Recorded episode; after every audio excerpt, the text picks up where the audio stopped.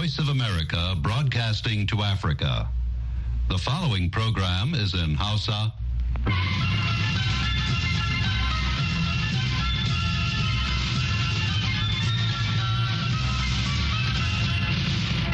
Sashen Hausa na muryar Amurka ke magana daga nan birnin Washington DC. Masu sauraro, Assalamu alaikum barkamu da wannan lokaci. Ibrahim Kalmasi Garba ne tare da sauran abokan aiki muke farin cikin kasancewa da ku a wannan shiri na Asibahin yau Lahadi. Bayan labaran duniya za mu kawo muku shirin matasa a duniyar gizo da maimacin shirin lafiya uwar jiki da kuma nasihar Lahadi. Amma kafin nan ga labaran duniya.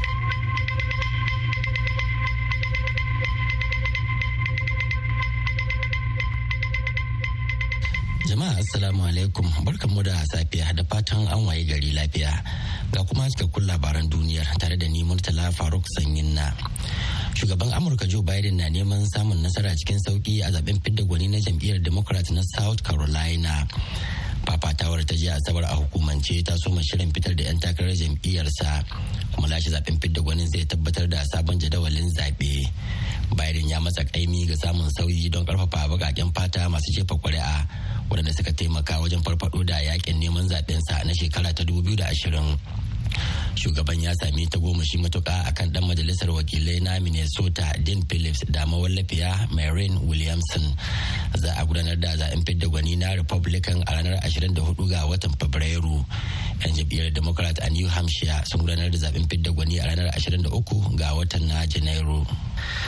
Shari'ar da kan iya haifar da cikas ga yunkurin donald trump na komawa fadar white house na ƙoƙarin tura kotun kolin amurka dumu-dumu a cikin ayyukan yaƙin neman zaɓen shugaban kasa na shekarar nan ta 2024 alkalan kotun za su saurari muhawara a ranar alhamis a wata shari'a ta jihar colorado game da ko za a iya cire tsohon shugaban ƙasar daga zaɓen fidda gwani na jam'iyyar republican a jihar. Saboda ƙoƙarin da ya yi na sauya sakamakon faɗuwa zaɓen da ya yi a shekara ta 2020 ana magana ne kan batun wani tanadi na kundin tsarin mulki da aka amince da shi bayan yaƙin basasa domin hana tsoffin jami'an da suka yi tawaye daga sake hawan mulki.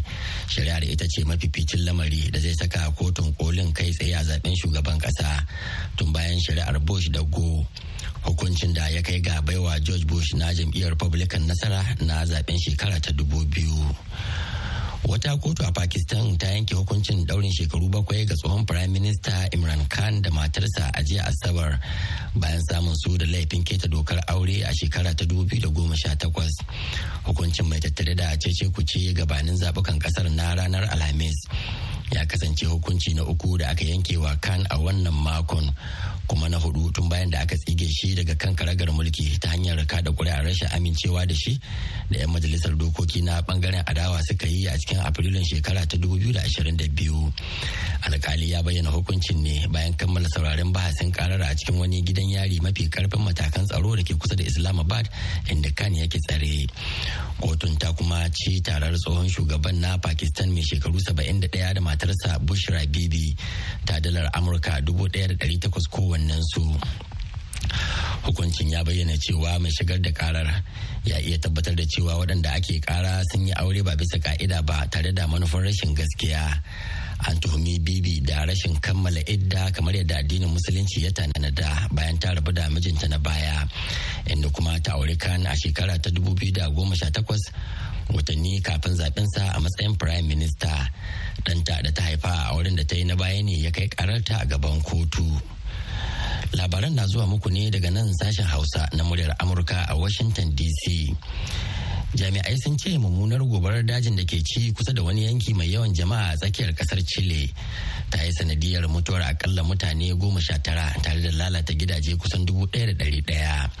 Ministar harkokin cikin gida ta chile carolina toha ta ce a halin yanzu akwai gobarar daji har casa'in da biyu da ke ci a tsakiya da kuma kudancin ƙasar inda bisa al'ada yanayin zafi kan yi kamari a makon nan. Gobarar mafi muni tana aukuwa ne a yankin balfaraiso inda hukumomi suka buƙaci mutane da haka da su bar gidajensu ta yadda motocin kashe gobara da motocin ɗaukar marasa lafiya da sauran motocin agajin gaggawa za su iya wucewa cikin sauri. Ɗaya daga cikin gobarar na barazana ga birnin yawon shaƙatawa na gabar tekun baina del mar. Wata karamar roka mai ƙarfin gaske ta ƙasar china da ke iya ɗaukar nauyi ta isar da tauraron dan adam tara zuwa sararin samaniya a jiya asabar kamar yadda kafar yada labaran ƙasar china ta ruwaito. A wani mataki da ake ɗauka a zaman wata shekara mai cike da hada-hadar kasuwanci ta ƙasar china. An harba rokar j-long 3 ko smart dragon 3 daga wani jirgin ruwa da ke shawagi a gabar tekun yangjiang da ke kudancin lardin guangdong wanda shine karo na biyu da aka harba rokar cikin watanni biyu kacal. Rokar ta long 3 da kamfanin ƙasar china na rocket co ya kera ta so matashinta na farko a cikin watan disamban shekara ta 2022 shugaba Xi Jinping ya yi kira da a faɗaɗa manyan masana'antu da suka hada da ɓangaren kasuwanci na sararin samaniya wanda ake ganin yana da muhimmanci wajen kera tauraron dan adam domin sadarwa da kuma hango nesa haka kuma a jiya asabar kamfanin ƙasar china na gile holding group ya harba tauraron dan adam goma sha ɗaya don ƙara sa na samar da ingantacciyar taswirar zirga-zirgar na'urorin tauraron dan adam.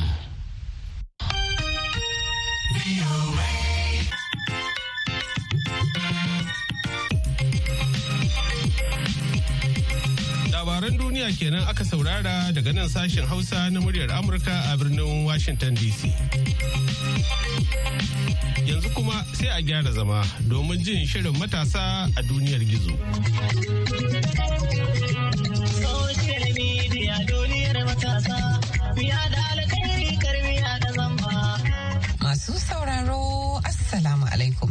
Fatan ana cikin ƙoshin lafiya. Sannun mu da arzikin sake kasancewa cikin wani sabon shirin matasa a duniyar gizo. Shirin da ke taɓo duk batutuwa da suka jibanci mu'amalar matasa da kafofin da yanar gizo. Sunana Halima Abdulra'uf jagorar shirin.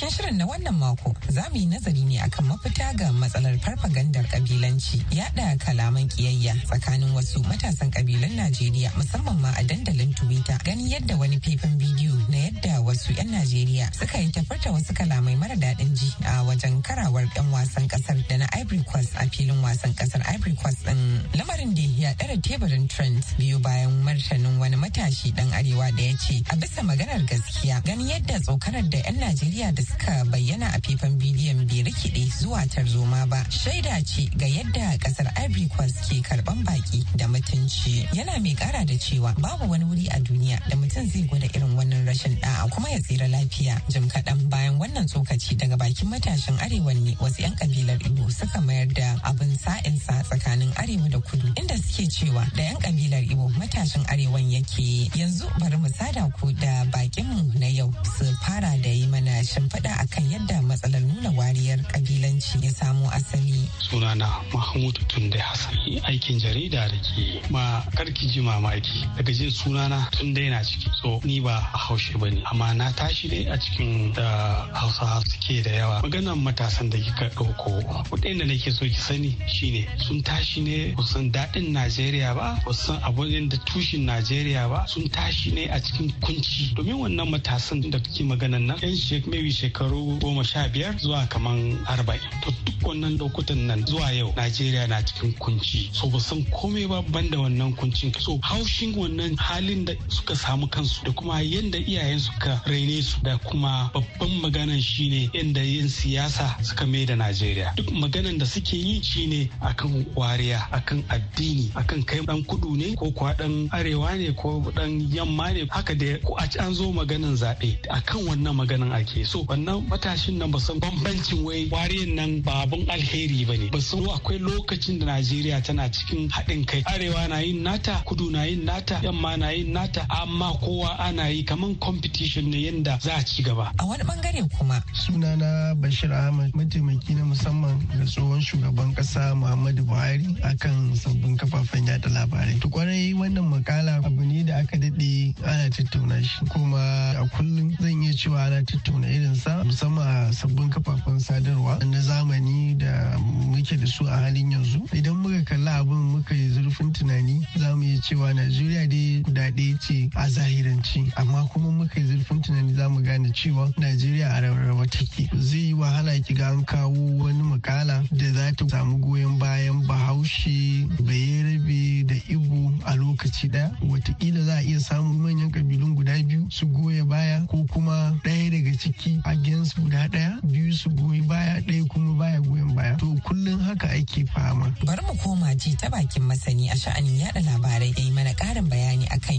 Matsalar take ta fuskar ɗaukan darasi daga tarihi. Sunana ahmad sajo ne kwamishina ne na yada labarai na jihar adamawa a baya can. Kuma yanzu ina nan zama a abuja ina ayyuka na harka da ta shafi watsa labaru da kuma al'amuran yau da kullum. To alal hakika wannan abin da kike faɗi ba wai wani abu ba ne da yake abin mamaki. Hausawa sukan ce ba a shuka duma a girbe kabewa. Mu a ƙasar mu ta najeriya mun yi kuskure matuƙa da muka daina koya ma 'ya'yanmu tarihin ƙasar nan. Idan da matasan nan sun san tarihin ƙasan nan namu da abubuwa da suka faru a baya da illan irin wannan abubuwa da kiyayya da zaman doya da manja tsakanin kabilunmu ya jawo musamman kabilar ibo da kuma al'umman arewa. Da matasan nan sun sani wallahi da za su yi wa kansu kiyamun laili. In kin lura za ki ga cewa mafi yawan lokuta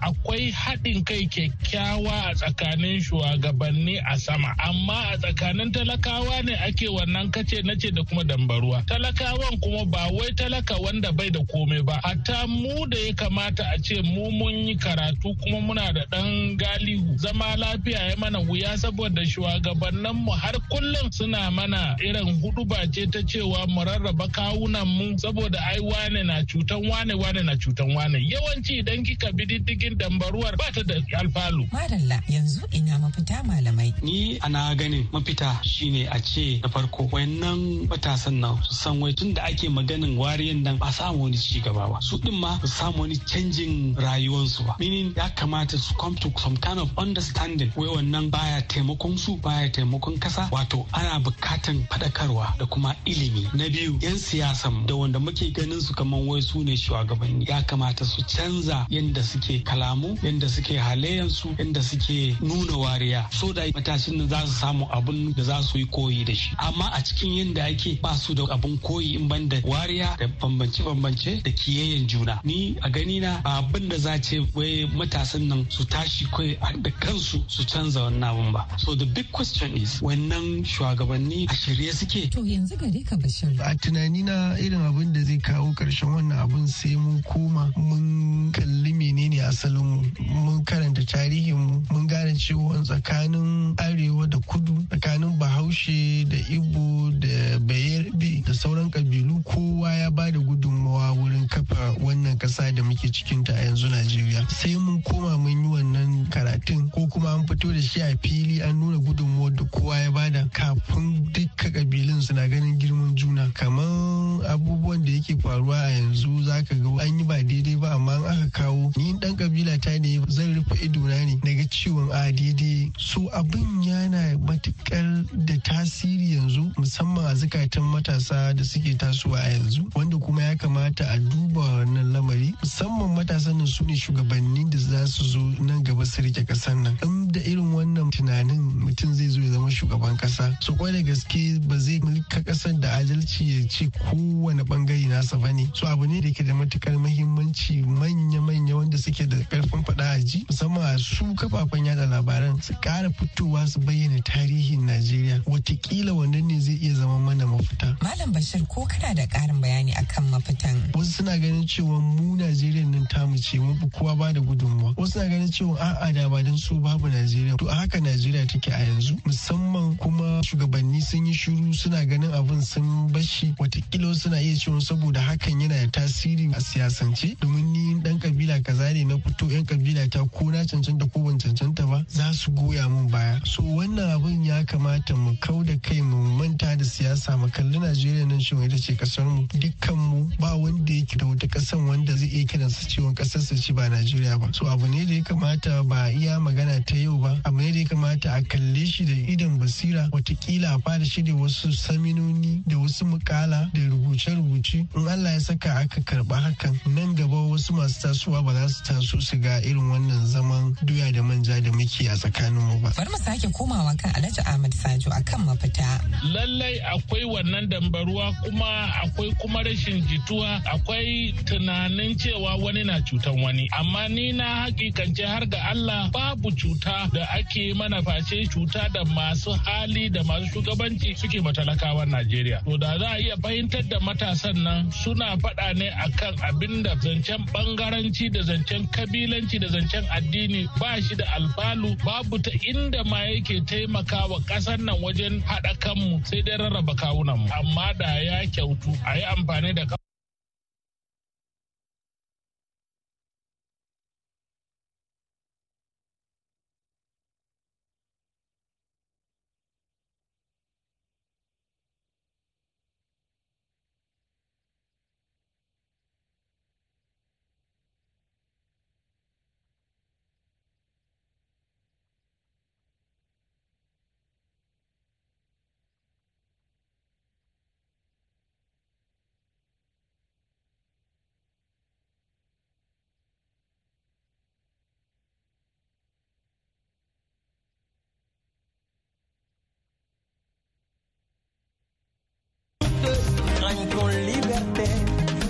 floor.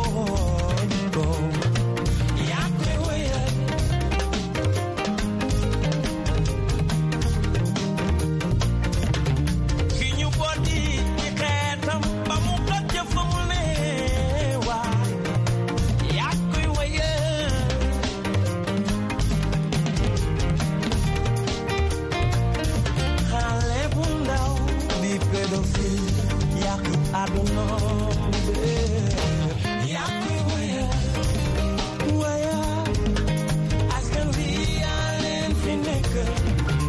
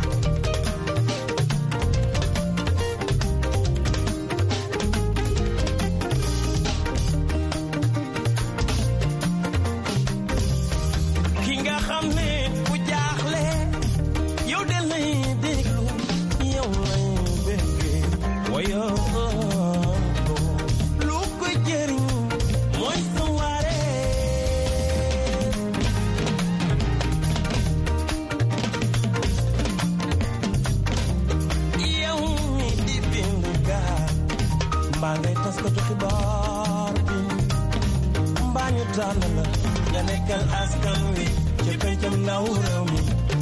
Bàyyil xel ci seeni tawat ak seeni mëbët wuy leen mooy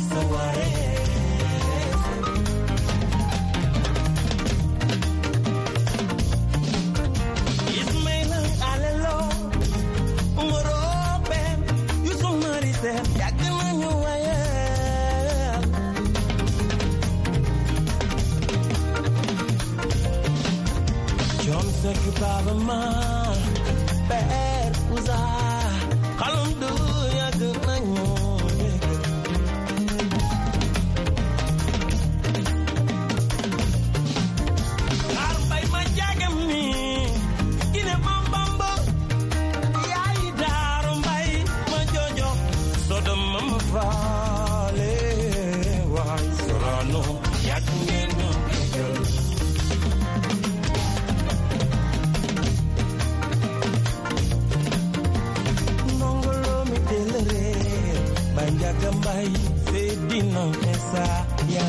trouble.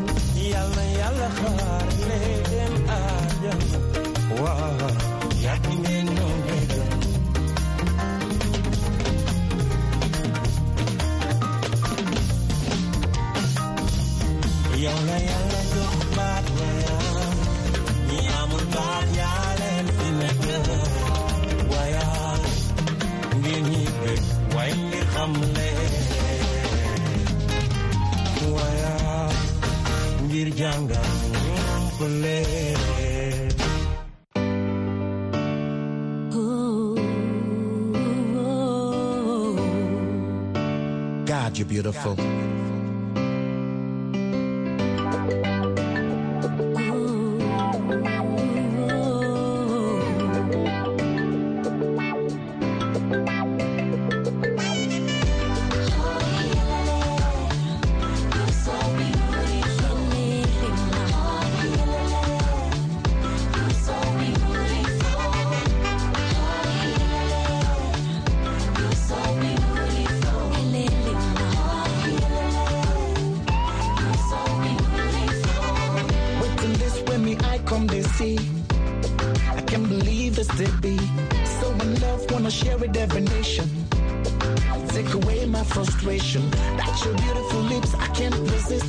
Intoxic. I need a kiss, I insist.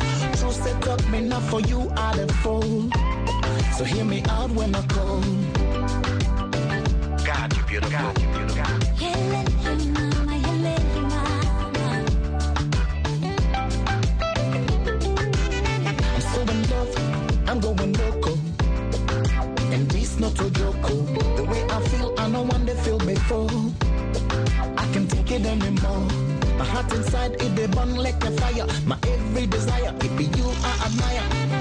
comme ça, ça se passe ma chérie. Tous les jours, all I do now for you.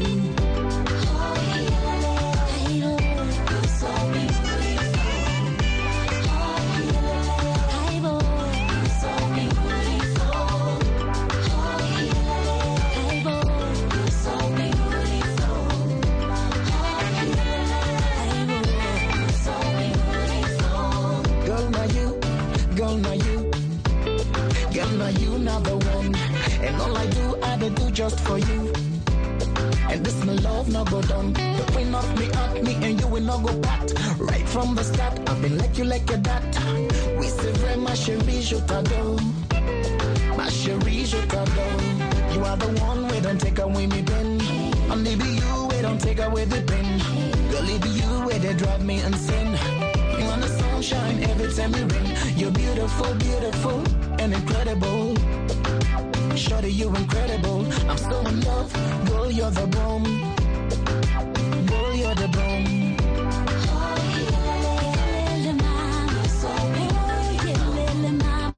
Asa hepatitis A tare da hepatitis A ɗin nan wanda suke tafiye-tafiye daga wani gari zuwa wani gari za su fi kamuwa da shi ko wanda yake cin abinci musamman alal misali daga wannan hanyar wani gari zuwa wani gari ko shan ruwa anyhow ko kuma mutum ya fita ya ci abinci a duk inda yake so a duk sanda yake so ba tare da yayi la'akari da tsaftan ba. Kuma an fi samun hepatitis B ne da C ga wanda suke saduwa da juna musamman mace wanda take so suna saduwa da ita ko kuma namijin da yake kwanciya da mata da yawa in yana ɗauke da wannan cutar to duk zai je watsa musu so kenan wanda they are sexually active akan ɗauke da su. Na gaba sukan ɗauke da wannan cutar na gaba kuma shine wanda ya kasance yana ba da jini ko kuma wanda yake karfan jini ba tare da an screening ba. Wannan kuma ya fi aukuwa ne a inda babu kwararrun ma'aikata. Sai kasance cewa mutum ana buƙatar jini leda uku leda huɗu don a cece rayuwar shi amma ba a san cewa ɗaya daga cikin wanda suka ba da wannan jinin ba yana ɗauke da wannan sinadari na cutar. So in ya kasance cewa an zo an maka masa to ba fa abun mamaki ba ne ya yi saurin ɗaukar na hepatitis din sai kuma in aka yi batun autoimmune hepatitis ba wanda isa ya ce to ga shekarun da mutum yake aukuwa da shi ko ke ɗauka da shi. Sai kuma na gaban su wanda uwa uba yana da matuƙar amfani shine wanda suke yawan shan giya shi ma yana ainihin ainihin jawa wannan cuta na hepatitis ba. Ma zallan cutar hepatitis ba har da other cututtuka wanda shi ma topic ne wani tsono wani abu shi alcoholic liver disease. So yayin da kasance baka cikin layukan wa'annan mutanen da na lissafo da yadda Allah subhanahu wa ta'ala zai wahala mutum ya ɗauki wannan cuta na hepatitis. Amma in kasance mutum yana cikin ɗaya daga cikin wa'innan group of mutanen da lissafa matafiya ne masu cin abinci a waje ne wanda ya kasance cewa baya da tsafta ko wanda suke sayan abinci akan hanya wanda baya shan ruwa mai tsafta wanda ya kasance yana saduwa da mata da yawa ko mace da take saduwa da maza da yawa ko wani abu kamancin haka na ƙara jini tare da wanda suke shashaye suke ba da sirinji wa juna suna allura don su ji daɗin jikinsu wanda kuma ba wai jin daɗi ba ne cutar da jikinsu suke yi to dukkansu za su iya ɗaukan wannan cuta na hepatitis din. To likita yaya za a kwatanta tsananin cutar idan har ba a ɗauki matakin da ya dace a kuma lokacin da ya dace ba? Tsananin cutan yayin da ba a ɗauki matakin da ya dace ba yakan zo da tsanani masu yawa wanda mun riga da mun faɗe su a baya kamar acute liver failure wanda akan same shi cikin ɗan watanni kaɗan wato yayin da hantan mutum zai kasance ya bar yin aikin da ya kamata ko kuma chronic liver disease wanda shi kuma ya fara yin muni wanda ya fara cutar da hantan ya fara kumburi shi wannan hantan ya fara taba hadda sefa ma wani abu shi hepatosplenomegaly tare da kuma wasu abubuwa da dama. Kuma akan samu fulminant hepatitis akan samu shi postnecrotic cirrhosis kuma uwa ba akan samu kansa na hanta. Wanda da moment ya kai wannan kuma to shi baya da wani standard magani. Yaya za a kwatanta yawan masu fama da cutar musamman ma a nan Najeriya? Ba mu san mu ce ga asalin yawan masu kama da cutar hepatitis ba saboda matsalar da ake samu ba mu da wani standard statistics da ake yi na wanda suke da hepatitis wanda zaka ce e garanti ga yawan su saboda automatically akwai wanda suna da shi ba su ma sani ba. Akwai wanda sun mutu a da shi ba su ma san shi ba ne akwai wanda sukan je da wato ainihin cutan ba a tabbatar da wani iri ba ne da har za a zo a ce okay to masu hepatitis A su ne mutum dubu kaza. Masu hepatitis B su ne mutum dubu kaza. Sai dai kawai a dannawa sanin in dai har za a ce maka za ka ga marasa lafiya guda ɗari a asibiti a kullum. Irin inda nake aiki ba abun mamaki ba ne ka ga mutum kamar a ce uku zuwa biyar suna da wannan cuta na hepatitis din amma wanda suke zuwa kuma da complication ba abun mamaki ba ne ga mutum ɗaya ko mutum biyu a cikin su amma kamar yadda na faɗa za ta yi wa mutum yana da shi hepatitis A ko E har ya zo ya warke bai ma san yayi baki ɗaya ba. Masu sauraron mu kada ku sha'afa shirin lafiya uwar jiki ne ke zuwa muku daga nan sashen Hausa na muryar Amurka kuma a nan za mu dasa aya a cikin shirin. A madadin dukkan abokan aiki da suka taimaka dan ganin shirin ya zo muku sai kuma likitan da muka kasance tare da shi a cikin shirin wato Dr. Muslim Bello Katagum. Ni Hauwa Umar da na shirya na gabatar nake cewa rigakafi ya fi magani. Mu huta lafiya.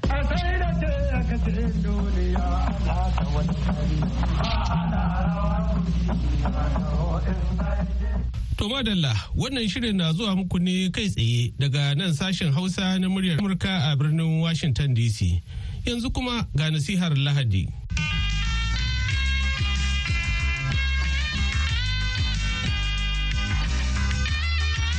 Takaice sunana Reverend Lucas Sehu ni ne shugaban fastoci 'yan kasa da kuma kristoci na arewa.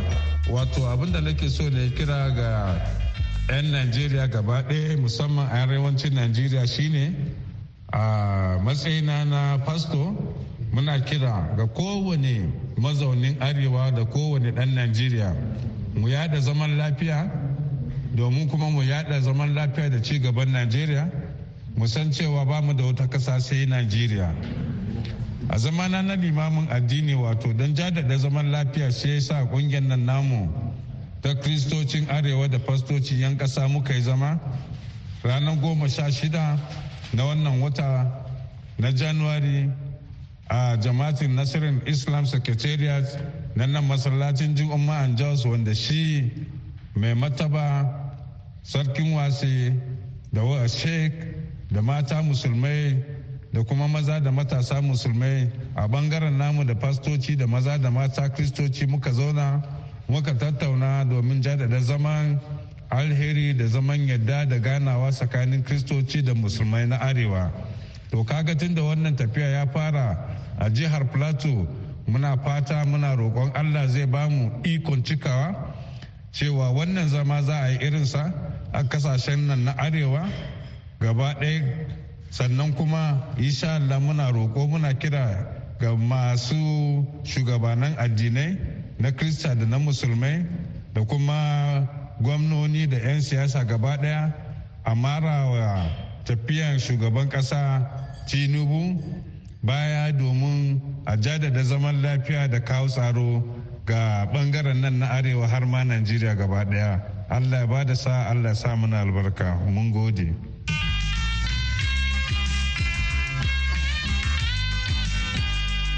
Madalla nan kuma muka kawo ƙarshen shirinmu na yanzu.